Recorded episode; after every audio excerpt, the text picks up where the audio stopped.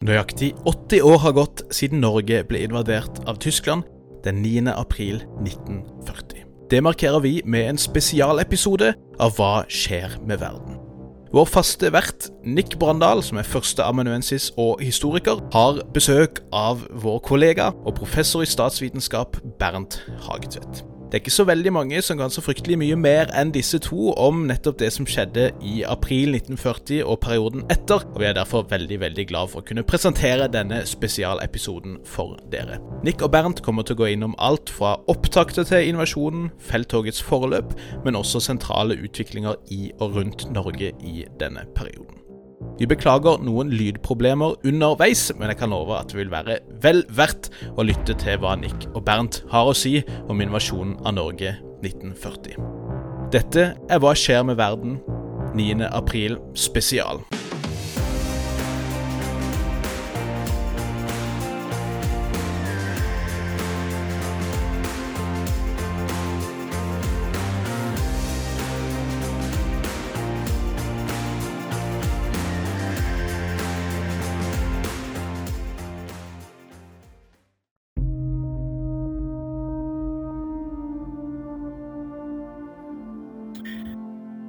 Ok, Da ønsker vi velkommen til denne podkasten som kommer til å handle om Tysklands okkupasjon av Norge. Felttoget Norge 1940, som ble avsluttet 7.6.1940. Og ikke minst så kommer vi til å avslutte med å si noe allment om hvordan okkupasjonen av Norge forløp, hvilke hovedproblemstillinger vi der har å, å gjøre med.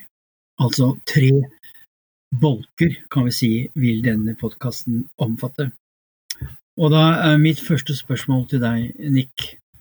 Hvis du fikk spørsmålet hvorfor tok Hitler Norge, hva vil ditt svar være? Altså, det er jo et omdiskutert tema fortsatt. Som min eh, tidligere professor Rolf Tamnes eh, en gang sa det, hva i alle dager skulle tyskerne på Elverum? Altså, man, man kunne forut tenke seg at de, altså Tyskland blir ønske å sikre seg støttepunkt langs eh, kysten f.eks. Eh, kontrollere skipsleia, eh, sørge for at norsk territorium ikke ble brukt mot Tyskland. Men en fullskala okkupasjon som til slutt endte opp med 400 eh, 000 mann som sto her, som man kunne ha god bruk for på andre fronter sitt, og som kosta enorme summer å opprettholde. Altså det, det ja, altså, hvor fornuftig var det, er jo et av disse spørsmålene. Man kunne, man kunne tenke seg et svar, at Tyskland ønsket først og fremst kontroll med norskekysten for å kunne angripe Royal Navy i Norskehavet og Island og til sist eh, Atlanterhavet. Og ikke minst for kontrollen. Det var jo da et, et hensyn som kom senere. For i 1940 så var jo Tyskland eh, ikke i krig med Sovjet. Men i tillegg til den kontrollen med, med kystområdene, så gjaldt det å sikre malmtransportene fra Kiruna via Narvik til Tyskland. Er du ikke enig i det? Ja, altså Jo, altså det, det er nok underliggende moment. Men jeg tror hvis vi skal forstå eh, hvorfor Tyskland valgte å gjøre invasjon, så, så, må vi ut og se på den større krigføringa, og ikke minst å se på marinekrigen. Eh, den direkte bakgrunnen her er eh, at det store tyske eh, skipet Graf von Spree ble senka utenfor Montevideo i Uruguay. Et av støtteskipene til Graf von Spree, eh, Altmark, som var et eh, fangetransportskip, flykta nordover og gikk til slutt inn i norsk farvann eh, omtrent på, på høyde med Trondheim.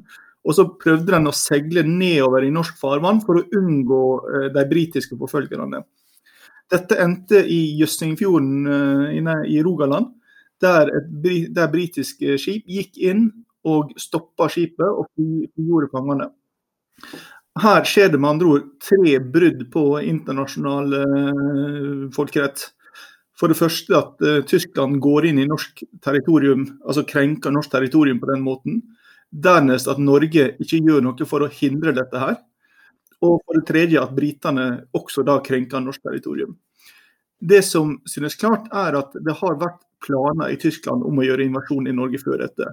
Bl.a. støtta av eh, Quisling og Nasjonal Samling.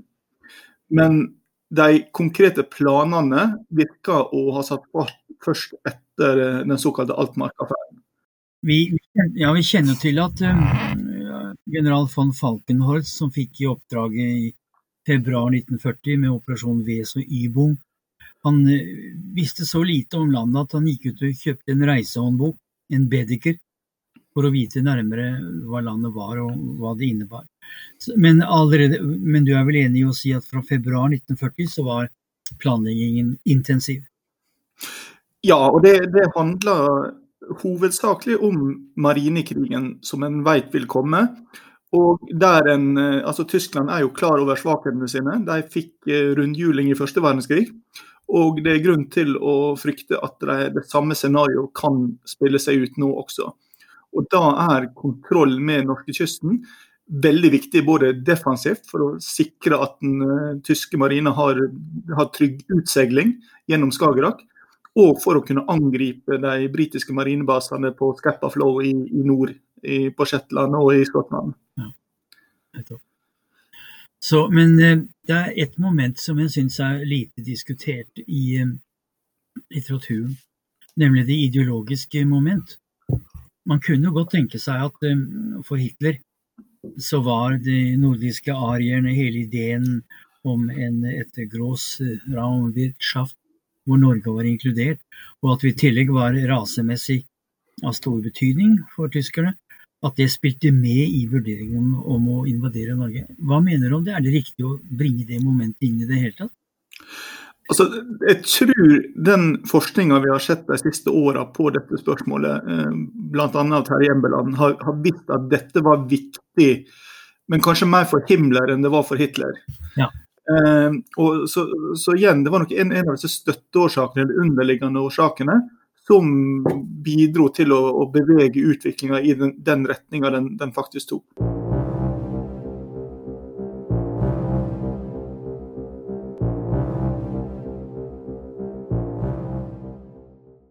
Men det er vel riktig å si, som den franske historikeren François Cassaudy sa for mange mange år siden, at det var jo et britisk-tysk kappløp om Norge. Hva ville skjedd om britene hadde kommet først? Altså, Britene kom jo først. Eh, 8.4 så begynte de minelegginga. Men den, de britiske planene handla ikke om invasjon. De hadde jo aldri tenkt seg å, å plassere ja, flere 10 000 eller 100 000 mann på norsk territorium det de ville var å ha kontroll, og det ville de sørge for å ha gjennom ja, minelegging eh, og hindre Tyskland i å kunne bruke norsk territorium. Så det var langt mer avgrensa og defensive planer de hadde. Ja. Så, men allikevel, jeg husker Kot, eh, Halvdan Koht sa jo vi må jo passe på slik at vi ikke blir, kommer på feil side eller får feil fiende. Hva ville skjedd om britene hadde nettopp forsøkt å etablere støttepunkter, f.eks. ved å innta Kristiansand og Stavanger og Bergen? Da ville vi fått den forskjellen i folkerettslig forstand at det ville vært en vennligsinna okkupasjon. Ja.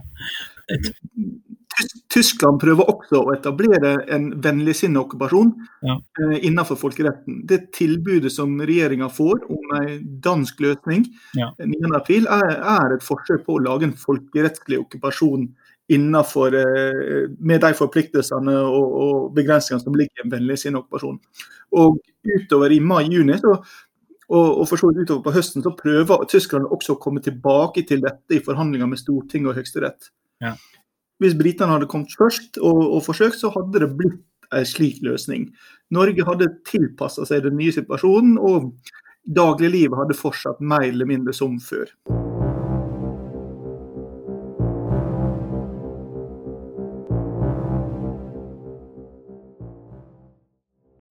sommeren 1940 så ble det jo helt tydelig at det var ganske sterke krefter i Norge som var innstilt på en slik kompromissløsning med Tyskland. Altså grunn, Hovedgrunnen til at dette skjer, er, eh, er jo selvfølgelig Nasjonal Samling og Quisling sitt statskupp 9. april. Eh, på det, på det, tidspunktet kunne man tenke seg at regjering og storting hadde vært villige til å forhandle. Men så lenge Quisling er der, så er det umulig. Så prøver tyskerne å få dette i gang igjen ved å sende tysk, Quisling til Tyskland. Eh, og da ser man bevegelse igjen, men dette stopper jo nok en gang da utover i, i september på, på spørsmål om nasjonalsamling og Quisling. Og det ender jo da opp 25.9 med, eh, med at eh, den tyske uh, uh, sendemannen, eller at uh, Terboven da vedtar å nazifisere Norge. Og her kommer jo fram til forholdet mellom Quisling og Terboven. Det er helt åpenbart at Hitler støttet Quisling, og vi må jo spørre hvorfor han gjorde det. Og Noe av grunnen var jo Quislings eh, ja, høyforræderi. Han dro til Berlin høsten 1939 og bl.a. avslørte norske marineplaner og norske støttepunkter langs kysten. Det er iallfall et faktum at, at, Hitler støttet Quisling hele veien, og Terboven foraktet Quisling og skjønte at uh, Quisling var, var, foraktet av det tyske folk, og hindret ham i å holde eh, Norge slik han ønsket, som en dansk løsning. Ja, altså Her må vi jo eh, også gå inn på hvordan Nazi-Tyskland blir styrt. Altså, det er jo ikke slik at Hitler driver med micromanagement her og har full kontroll over alt som skjer. Han har uh, ulike grupper rundt seg som konkurrerer, som har sine protesjeer og sine prosjekt og så prøver de å få Hitler ned på sin side. Ja. Og, og, og, de som vel støtter Quisling, er vel særlig den uh, tyske marina. Uh, uh, som naturlig nok er opptatt av, av norskekysten. Altså storadmiral Reder? Ja. ja. og de, denne modellen har jo den britiske historikeren Ian Kershaw kalt 'working towards Hitler'. Altså der Hitler får alle til å konkurrere om eh, føreren sin gunst. Og det eneste de kan være sikre på, det er at de mest ekstreme forslagene er de som Hitler vil like best. Ja. Men det er et faktum at i, i kontroversene mellom Quisling og Terboven, så støtter Hitler alltid Quisling. Ja, det, det, ser, det ser slik ut, ja.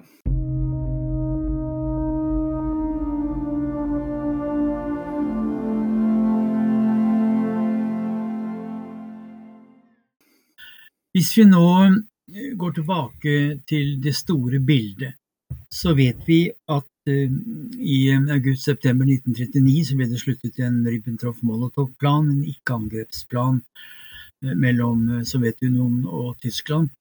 Og Det interessante der er jo at det nordeuropeiske teatret, som vi sier, Finland, Sverige og Norge og Danmark, spilte en veldig liten rolle i de forhandlingene. Forhandlinger mellom Molotov og Ribbentrop i 1939 dreide seg om skille, eh, territoriale skiller i Europa mellom Tyskland og Sovjetunionen. Det vi vet imidlertid, litt eh, apropos Reder, var at Reder foreslo å dele Norge med russerne, og at eh, russerne skulle få norsk territorium nord for Tromsø, og at Tyskland skulle ta resten. Men da sa Hitler han ville ikke ha russerne så nær. Så, altså Her er to punkter. Det ene er at det spilte ikke noe særlig rolle i 1939. Og så var det en frykt fra Hitlers side om å dele altså fra Hitlers side om å dele norsk territorium i det hele tatt. Altså, eh, Poenget med Nord-Norge her, eller det vil si Finnmark, eh, er jo sett fra Sovjetunionen, eller, eller, Russland om du vil, for dette er jo en lang eh, greie. Dette er isfrie havner. og det, Dette er noen av de få isfrie havnene Russland har i vest. I vest. Ja. Og, og, og, Derfor så blir de viktige i alle konflikter som, som Russland har. Ja. Um, så, så, kan du si at det, ja, det, er jo interessant at Tyskland her eh, lar Finland seile sin egen sjø, som de strengt tatt har en slags allianse, eller iallfall forståelse med.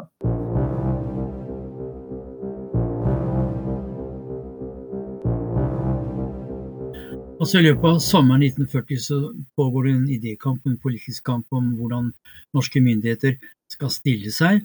Stortings, eh, Stortingets presidentskap anmoder kong Haakon, som da var flyktet og kom i land i Storbritannia 7.6.1940, om å abdisere. Og Vi får da en holdningskamp, eh, og stortingsmann Trond Hegna han skriver da dette berømte artikkelen sin 'Ingen nordmann til salg', hvor han bare renser luften og sier at her er det forræderi i det hele tatt å gå inn på denne ordningen som Terboven setter opp. Hvor viktig vil du si at det brevet er i ettertid? Altså, det er jo et av flere, flere handlinger i, i, den samme retninga symbolsk sett så har nok kong Haakon sine, sine nei, og det var vel tre av dem i løpet av hele okkupasjonen, og, og vært enda viktigere. Men du kan si at den at nordmenn, sentrale nordmenn så raskt og så entydig kom ned på den sida, var viktig. Vi, vi opptrådde samla, kan du si. Ja. Og det var ikke gitt at det skulle, skulle, bli sånn. Hvis du ser på forløpet fra 9.4 til 7.6, så er det interessant at det både kongehuset, regjeringa, stortingsrepresentantene og de militære på ulike tidspunkt er villig til å gi opp, eller er klar til å, inngå en forhandling med tyskerne. Men som kollektiv svikter de aldri. Det, det, er alltid noen som holder dette opp, og som sier at nei, vi fortsetter. Så, så du kan si at det, det, man har diskusjonene, man tar opp problemstillingene, og så ender man opp med å komme fram til et kompromiss som viser seg riktig. Ja. Altså Dette er jo den norske modellen i ekstreme situasjoner, og den fungerer. Men eh, du er jo historiker, så du har jo ikke lov til å gjøre det. Men uh, la oss nå tenke oss at eh, HMS Devonshire var blitt torpedert utenfor uh, Tromsø på veien til Skottland. Om bord var kronprins Olav, kong Haakon, hele det norske kabinettet og, mest, og fremtredende embetsfolk. Hva ville skjedd? Altså, vi kan gjøre en ganske kvalifisert gjetting om det. fordi da sitter tronarvingen sammen med sin mor det er jo Harald vi snakker om, i Stockholm hos den svenske kongen. Og den svenske kongen er eh, definitivt eh, ikke så negativt innstilt til eh, Nazi-Tyskland. Tyskvennlig, klart tyskvennlig. Ja, og det er jo grunnen til at Märtha får beskjed om å pelle seg bort fra Stockholm og, og ende opp med å sitte i USA gjennom hele okkupasjonen. Ja, nettopp.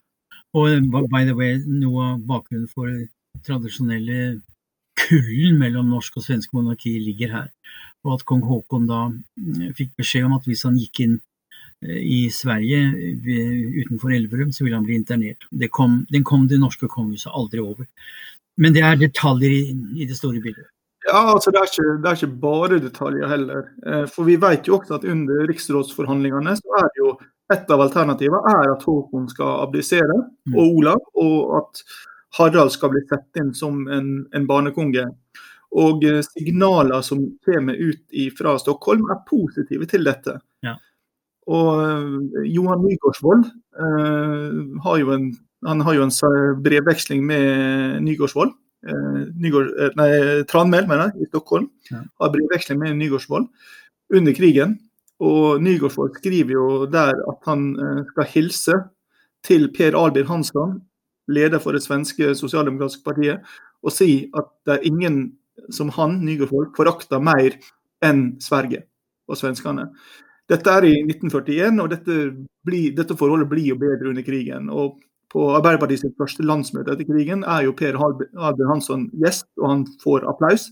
Men i 1940-41 er forholdet mellom Norge og Sverige så anstrengt som det noen gang har vært, hvis du ser bort fra 1700-tallet. Eh, ja, vi, Du kan si at vi er ute i små detaljer nå, men mens vi allikevel snakker om forholdet mellom Norge og Sverige, så kan det være grunn til å minne om at den svenske regjeringen ikke anerkjente Nygaardsvold-regjeringen i eksil før etter Stalingrad. De tok ingen sjanser. Og la oss heller ikke glemme, og dette har vært påpekt av flere svenske historikere, bl.a. Pia Maria Poetius, som skrev om det svenske sviket mot Norge, at Sverige lot tyske tropper dra gjennom og falle nordmenn i ryggen i Narvik. Sverige ga våpenhjelp og tropper til Finland, for der var fienden rød, men ikke til Norge, for der var fienden brun. Så det var store forskjeller. Og man kan vel også si at eh, Sverige prøvde å ta sitt igjen i andre halvdel av krigen ved svenskesuppe og andre, eh, andre tiltak, men du har helt rett, forholdet 1940 var iskaldt. Så begynte jo Gerhardsen etter krigen med å si ja, hvis vi hadde vært utsatt for det samme, så ville vel vi også ha gjort det samme. Så det kom jo veldig fort til en forsoning. Ja, og jeg tror ikke vi skal kaste oss på noen moralske høghest her. Jeg tror Gerhardsen har fullstendig rett i den analysen.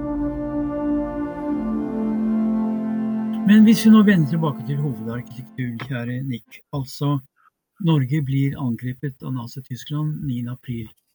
1940. Vi har nå forsøkt å skissere noe av bakgrunnen. Du har lagt vekt på marinekrigen, behovet for å kontrollere den norske kysten, behov for å sikre malmtransporten, og ikke minst skuffelsen, eller realismen, som siver inn i forhandlingene når det viser seg at Norge verken er villig eller i stand til å forsvare nøytraliteten, ved at den britiske krysseren Cossack kommer inn i Jøssingfjorden og befrir de britiske fangene om bord der. Hvis vi nå vender blikket til selve hendelsesforløpet, hvordan vil du vurdere de mange opplysninger vi har om signalene eh, som kom fra Berlin, bl.a. Aftenpostens Theo Findal og den norske eh, ambassade Ulrik Sverdrup, som sendte meldinger om at tyske sjøstridskrefter var på vei, ut fra Kiel og var rapportert oppover. Og de ble altså ikke fanget opp, og vi har den lange historien med hva Koht gjorde. Hva vil du si vi vet om dette hendelsesforløpet før 9. april? Altså det, er, det er jo komplisert. Vi vet at det kom meldinger ut av Tyskland om at dette var på vei. Men de ble ikke trodd på, av flere grunner. Én eh, ting var at uh, regjeringa uh, hadde et veldig anstrengt forhold til de personene i Tyskland som kom med, kom med disse meldingene. Man, Nordmennene? Ja, man stolte ikke på dem. Den andre, og den er kanskje vel så viktig, og den er jo relevant i, i disse dager. Man ønsker ikke å tro på dette her, Nei. fordi det var for forferdelig. Det, altså det var, man, man håpte at det ikke skulle være sånn, istedenfor å kaste seg rundt og forberede seg på at det kunne bli sånn. Nettopp. Eh, hvis du da ser på det konkrete forløpet den første krigshandlingen finner sted utenfor Lillesand, hvor det tyske troppetransportskipet Rio de Janeiro ble torpedert, for øvrig av en polsk ubåt. Mm. Polen hadde to ubåter, én opererte i Østersjøen, én opererte i Nordsjøen, og torpederte Rio de Janeiro. Alle omkom, hester fløt i land. Den ubåten eh, søkte for øvrig tilbruk i, etterpå i Karlskrona, hvor den står i dag som en museumsgjenstand. Polakkene gifte seg med svenske kvinner. Det var altså Polens hevn, kan man si. Men 8. januar, og så vet vi hvordan dette ble fanget opp, at det kom ikke noe eh, mobiliseringsordre ble sendt ut med post. Det er rykter om hvor Koht befant seg, hos en elskerinne eller ikke. Eh, hva vil du si er vurderingen av regjeringen i disse tidene? Ole Kristian Grimnes sa jo til mange år at hvis det var noen som skulle hylles, så er det nettopp Nygaardsvold-regjeringen. Men det sa han etter at felttåka var vel i gang. Hva vil du si til en sånn vurdering? Altså det, det, er jo eh, to forskjellige vurderinger man vil gjøre av, av regjeringa eh, før og etter 9. april. Det regjeringa gjør før 9. april er ikke imponerende.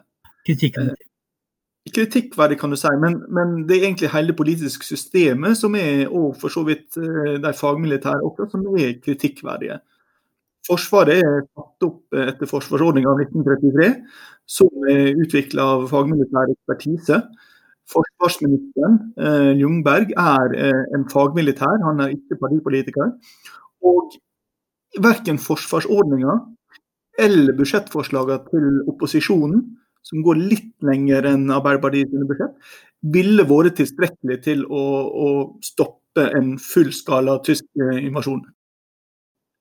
Så må vi ta med også at Tyskland har maksimal flaks. Det er en ganske liten, mobil innsatsstyrke de, de sender til Norge. Altså, De allierte har vel faktisk flere folk enn Tyskland har. Men den fungerer, den, med unntak av senking av Blücher, så har den maksimal flaks. Alt som kan gå bra for Tyskland, går bra. Alt som må gå galt for eh, de norske og de allierte, går galt. Ja, Vi har disse historiene om uh, i Karlsroe som kjører forbi odderne, Oddane i Kristiansand og blir stoppet og kommer tilbake med franske flagg og kommer inn. Og så har vi hele historien med Blicher, som jo er en fascinerende historie. fordi det oberst Eriksen gjør, det er jo å vise ulydighet. Han hadde jo ikke ordre. Nei da. Og eh, andre eksempel er jo Bergen, hvor eh, øverstkommanderende eh, gir ordre om å mørklegge fjorden. Noe som gjør at Tyskland kan seile inn relativt uh, uhindra. Hvis man hadde valgt å lyse opp fjorden, så hadde man antagelig Altså, man senka jo ett uh, tysk skip, eller skada det så alvorlig at det er stridsudyktig. Man kunne antagelig stoppa hele den invasjonen inn til Bergen under de maksimalt gode forholdene.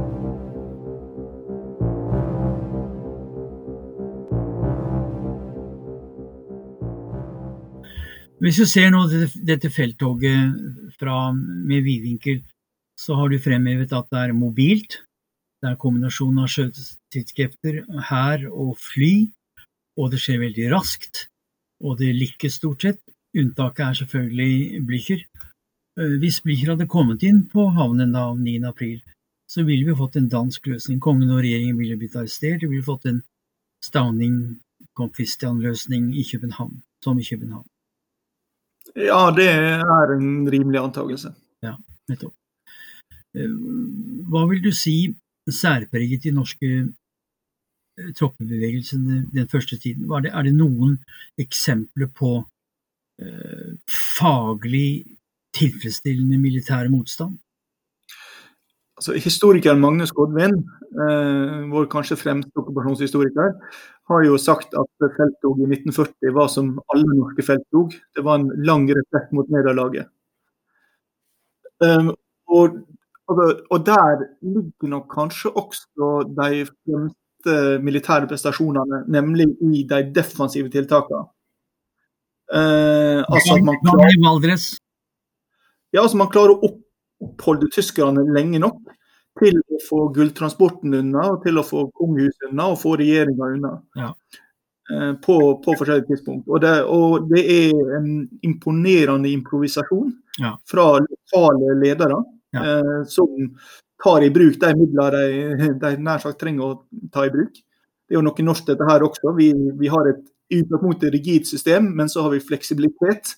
Og vi improviserer og vi finner lokale tilpasninger og vi samarbeider. Ja sivilsamfunnet og eh, de politiske miljøene og de militære miljøene lager ordninger lokalt som, som, gir et ganske godt resultat. Ja.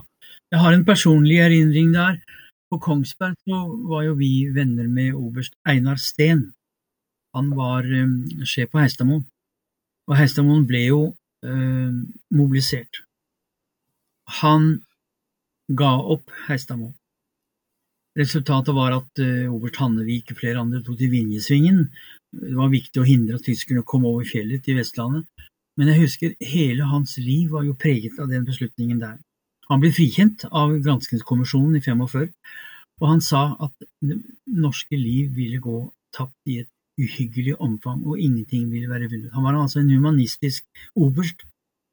Det kan man jo ikke være, men dette sier noe om dilemmaet. Og Knut Haukeli, som var på Kongsberg i alle årene, som var med i kommandoaksjonen mot Vemork, han sa stille ja, du vet, vi kan jo ikke komme med hornmusikk utenfor Einar Stens hus, slik vi kan komme til oberst Hoffs hus, han var mye eldre kollega. Så helt inn i det militære gikk jo disse, disse, disse konfliktene voldsomt. Ja, men det, det, er også interessant at holdninger blant de norske militære var nettopp at her må vi veie de militære gevinstene opp mot de samfunnsmessige kostnadene. Og mm. de falt stort sett ned på at eh, det var viktig å, altså, å ikke legge for stor belastning på sivilsamfunnet. Ja. Og I et lengre perspektiv så kom antageligvis Norge bedre ut av okkupasjonstida også pga. det. Ja, nettopp.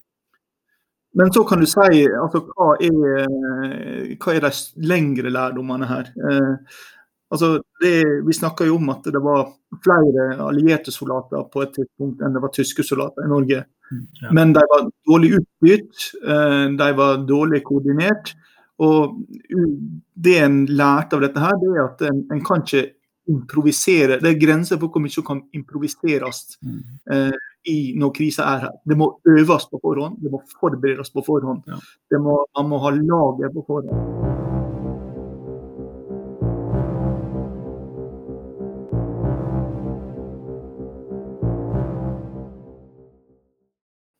Det er vel riktig å si at eh, det er veldig sjelden at eh, Norge har spilt en rolle i internasjonal politikk, men mai-juni 1940 så spilte vi en rolle indirekte ved at eh, Churchill så vidt fikk statsministerposten.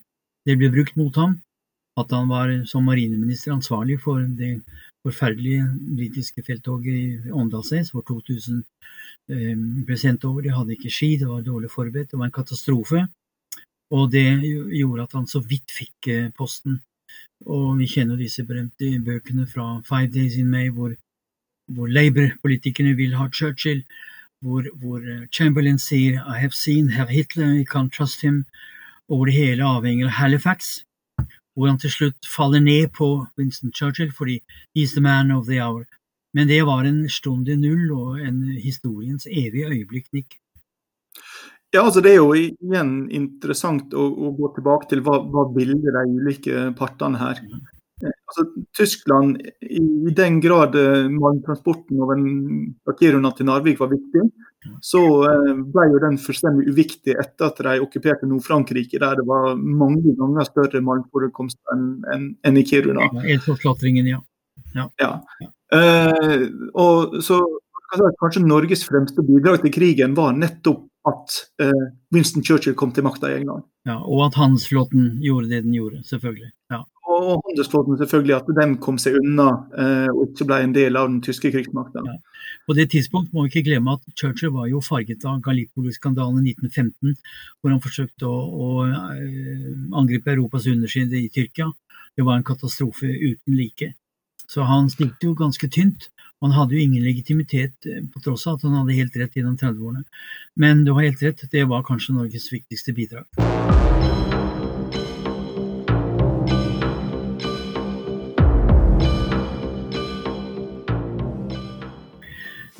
Hvis vi nå ser på Blücher, Oddane, vi ser på de ulike erobringene av byene, Agdenes, Trondheim.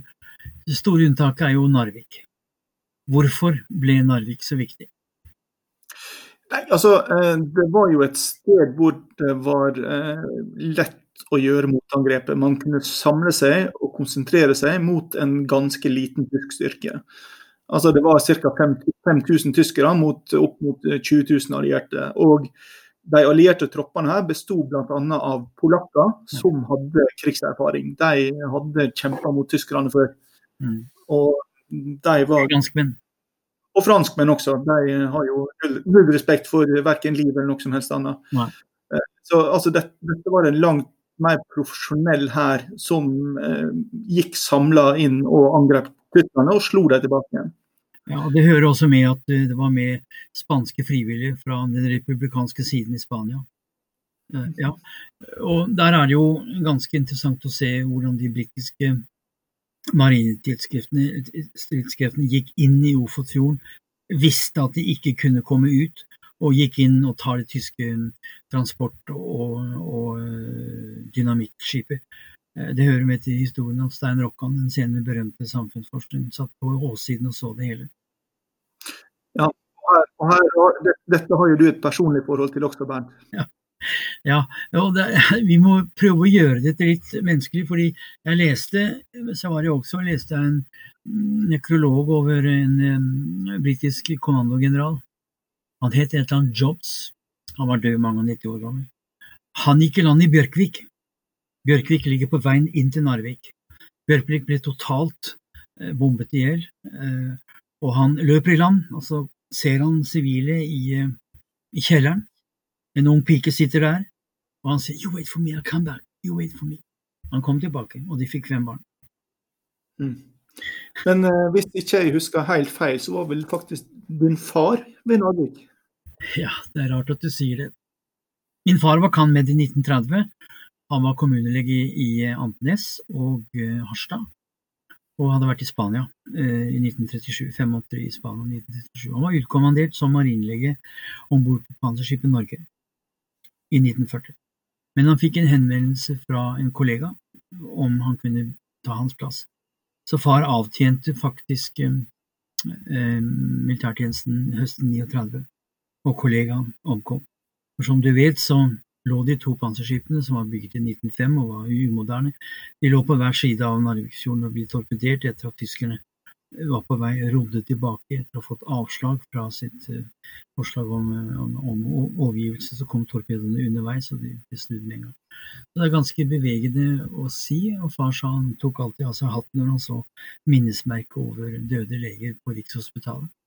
Men han tilbrakte da maidagene, aprildagene på et hotell i Åsgårdstrand og behandlet sårede tyske soldater fra Blücher. Og det er interessant å merke seg at det var ikke noe sammenbrudd i legeetikken, slik det var bl.a. blant annet i borgerkrigen i Jugoslavia. Det var en selvfølge at norske leger behandlet tyske sårede soldater.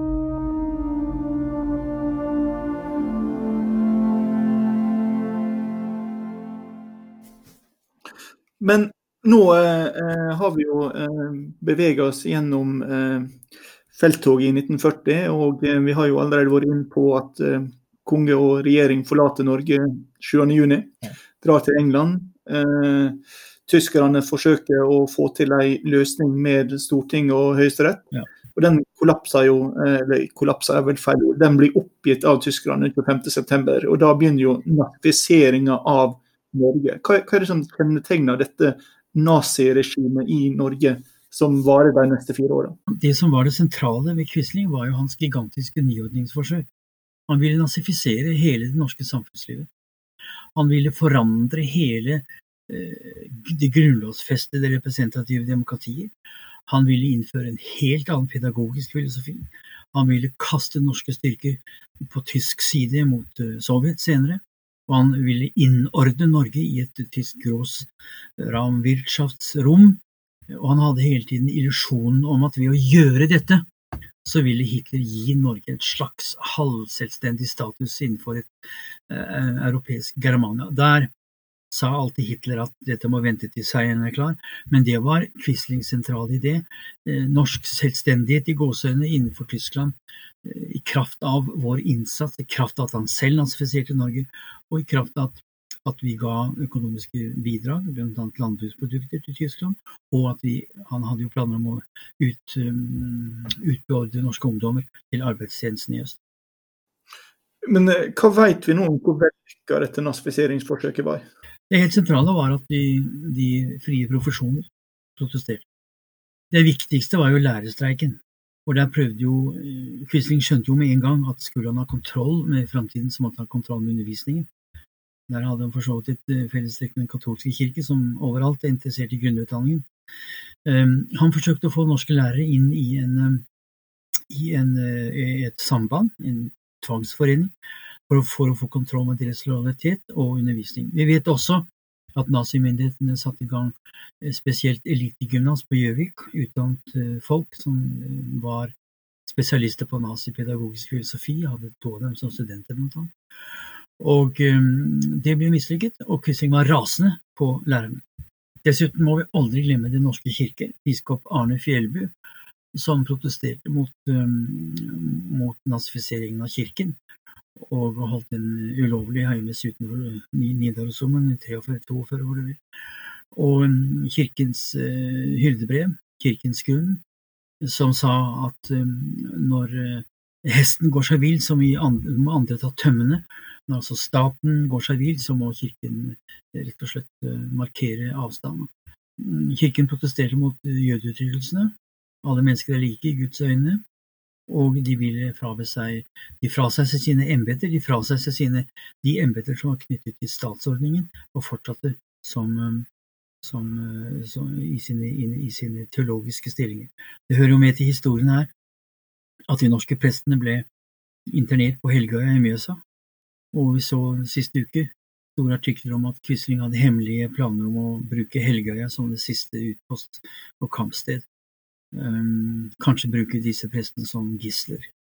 Uh, og det er et kapell i, på Helgøya, dekorert av Ragnhild Butenschøn, der de norske prestene såkalt illegalt ble tatt i ed under okkupasjon. De var altså alle forvist. Men den kulturkampen er helt avgjørende. Lærerne, som ble sendt med båter opp til Skjærstad opp til eh, Finnmark, og prestene, eh, var helt sentrale. Dessuten bør det nevnes at legene var ganske antinazistiske. Ullevål var et sentralt antinazistisk reir.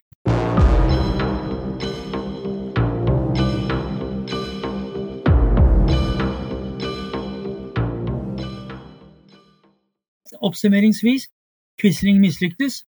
Det oppsto en massiv folkebevegelse mot, og eh, nazipartiet ble veldig tidlig totalt marginalisert.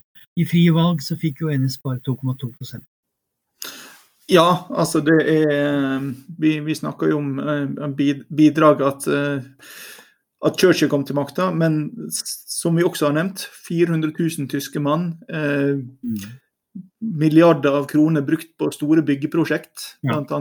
Nordlandsbanen eh, og denne her såkalte vestveggen, altså forsvarsverka langs kysten. Sørlandsbanen. Eh, og Sørlandsbanen, ja.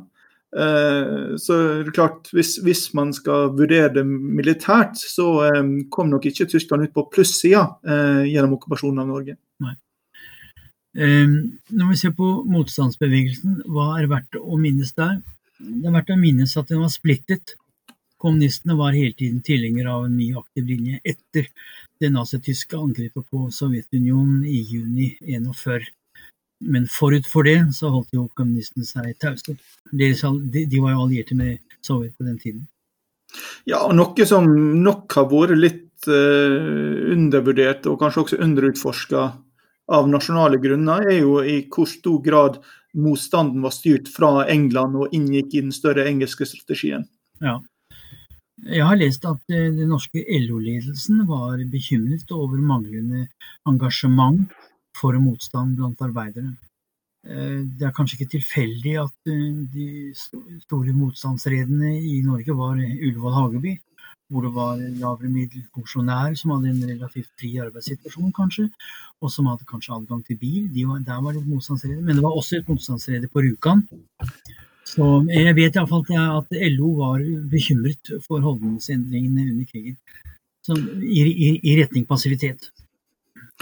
Ja, altså, men det, det har jo sine gode forklaringer. Altså, for, for, de fleste så var det både greiest, og, og det alternativet de hadde, var å, for å parafrasere en lokal bonde på Sunnmøre, holde seg hjemme og passe gårdene sine. Ja. Altså hvis eh, du kan si at Det å koste på seg å drive motstandsarbeid, ja, kanskje var det ikke tilfeldig at det var mye middelklasse, fordi de hadde råd til det. Ja. De trengte ikke å bekymre seg om, så mye om å ha mat på bordet og osv. Ja. Et annet aspekt som vil kanskje interessere våre unge studenter, er at uh, det ble, var en grov, grov, undervurdering av hvor farlig det var å gå med aviser, f.eks. Eh, det var livsfarlig å gå med aviser. Blir du arrestert, så ble i Sachsenhausen, annet eh, Bernt Hollund, finansrådmann i Oslo, som nå i en alder av 95 år er like aktiv. Han ble tatt etter å gå med aviser. Han endte opp i, i Sachsenhausen. Veldig farlig arbeid.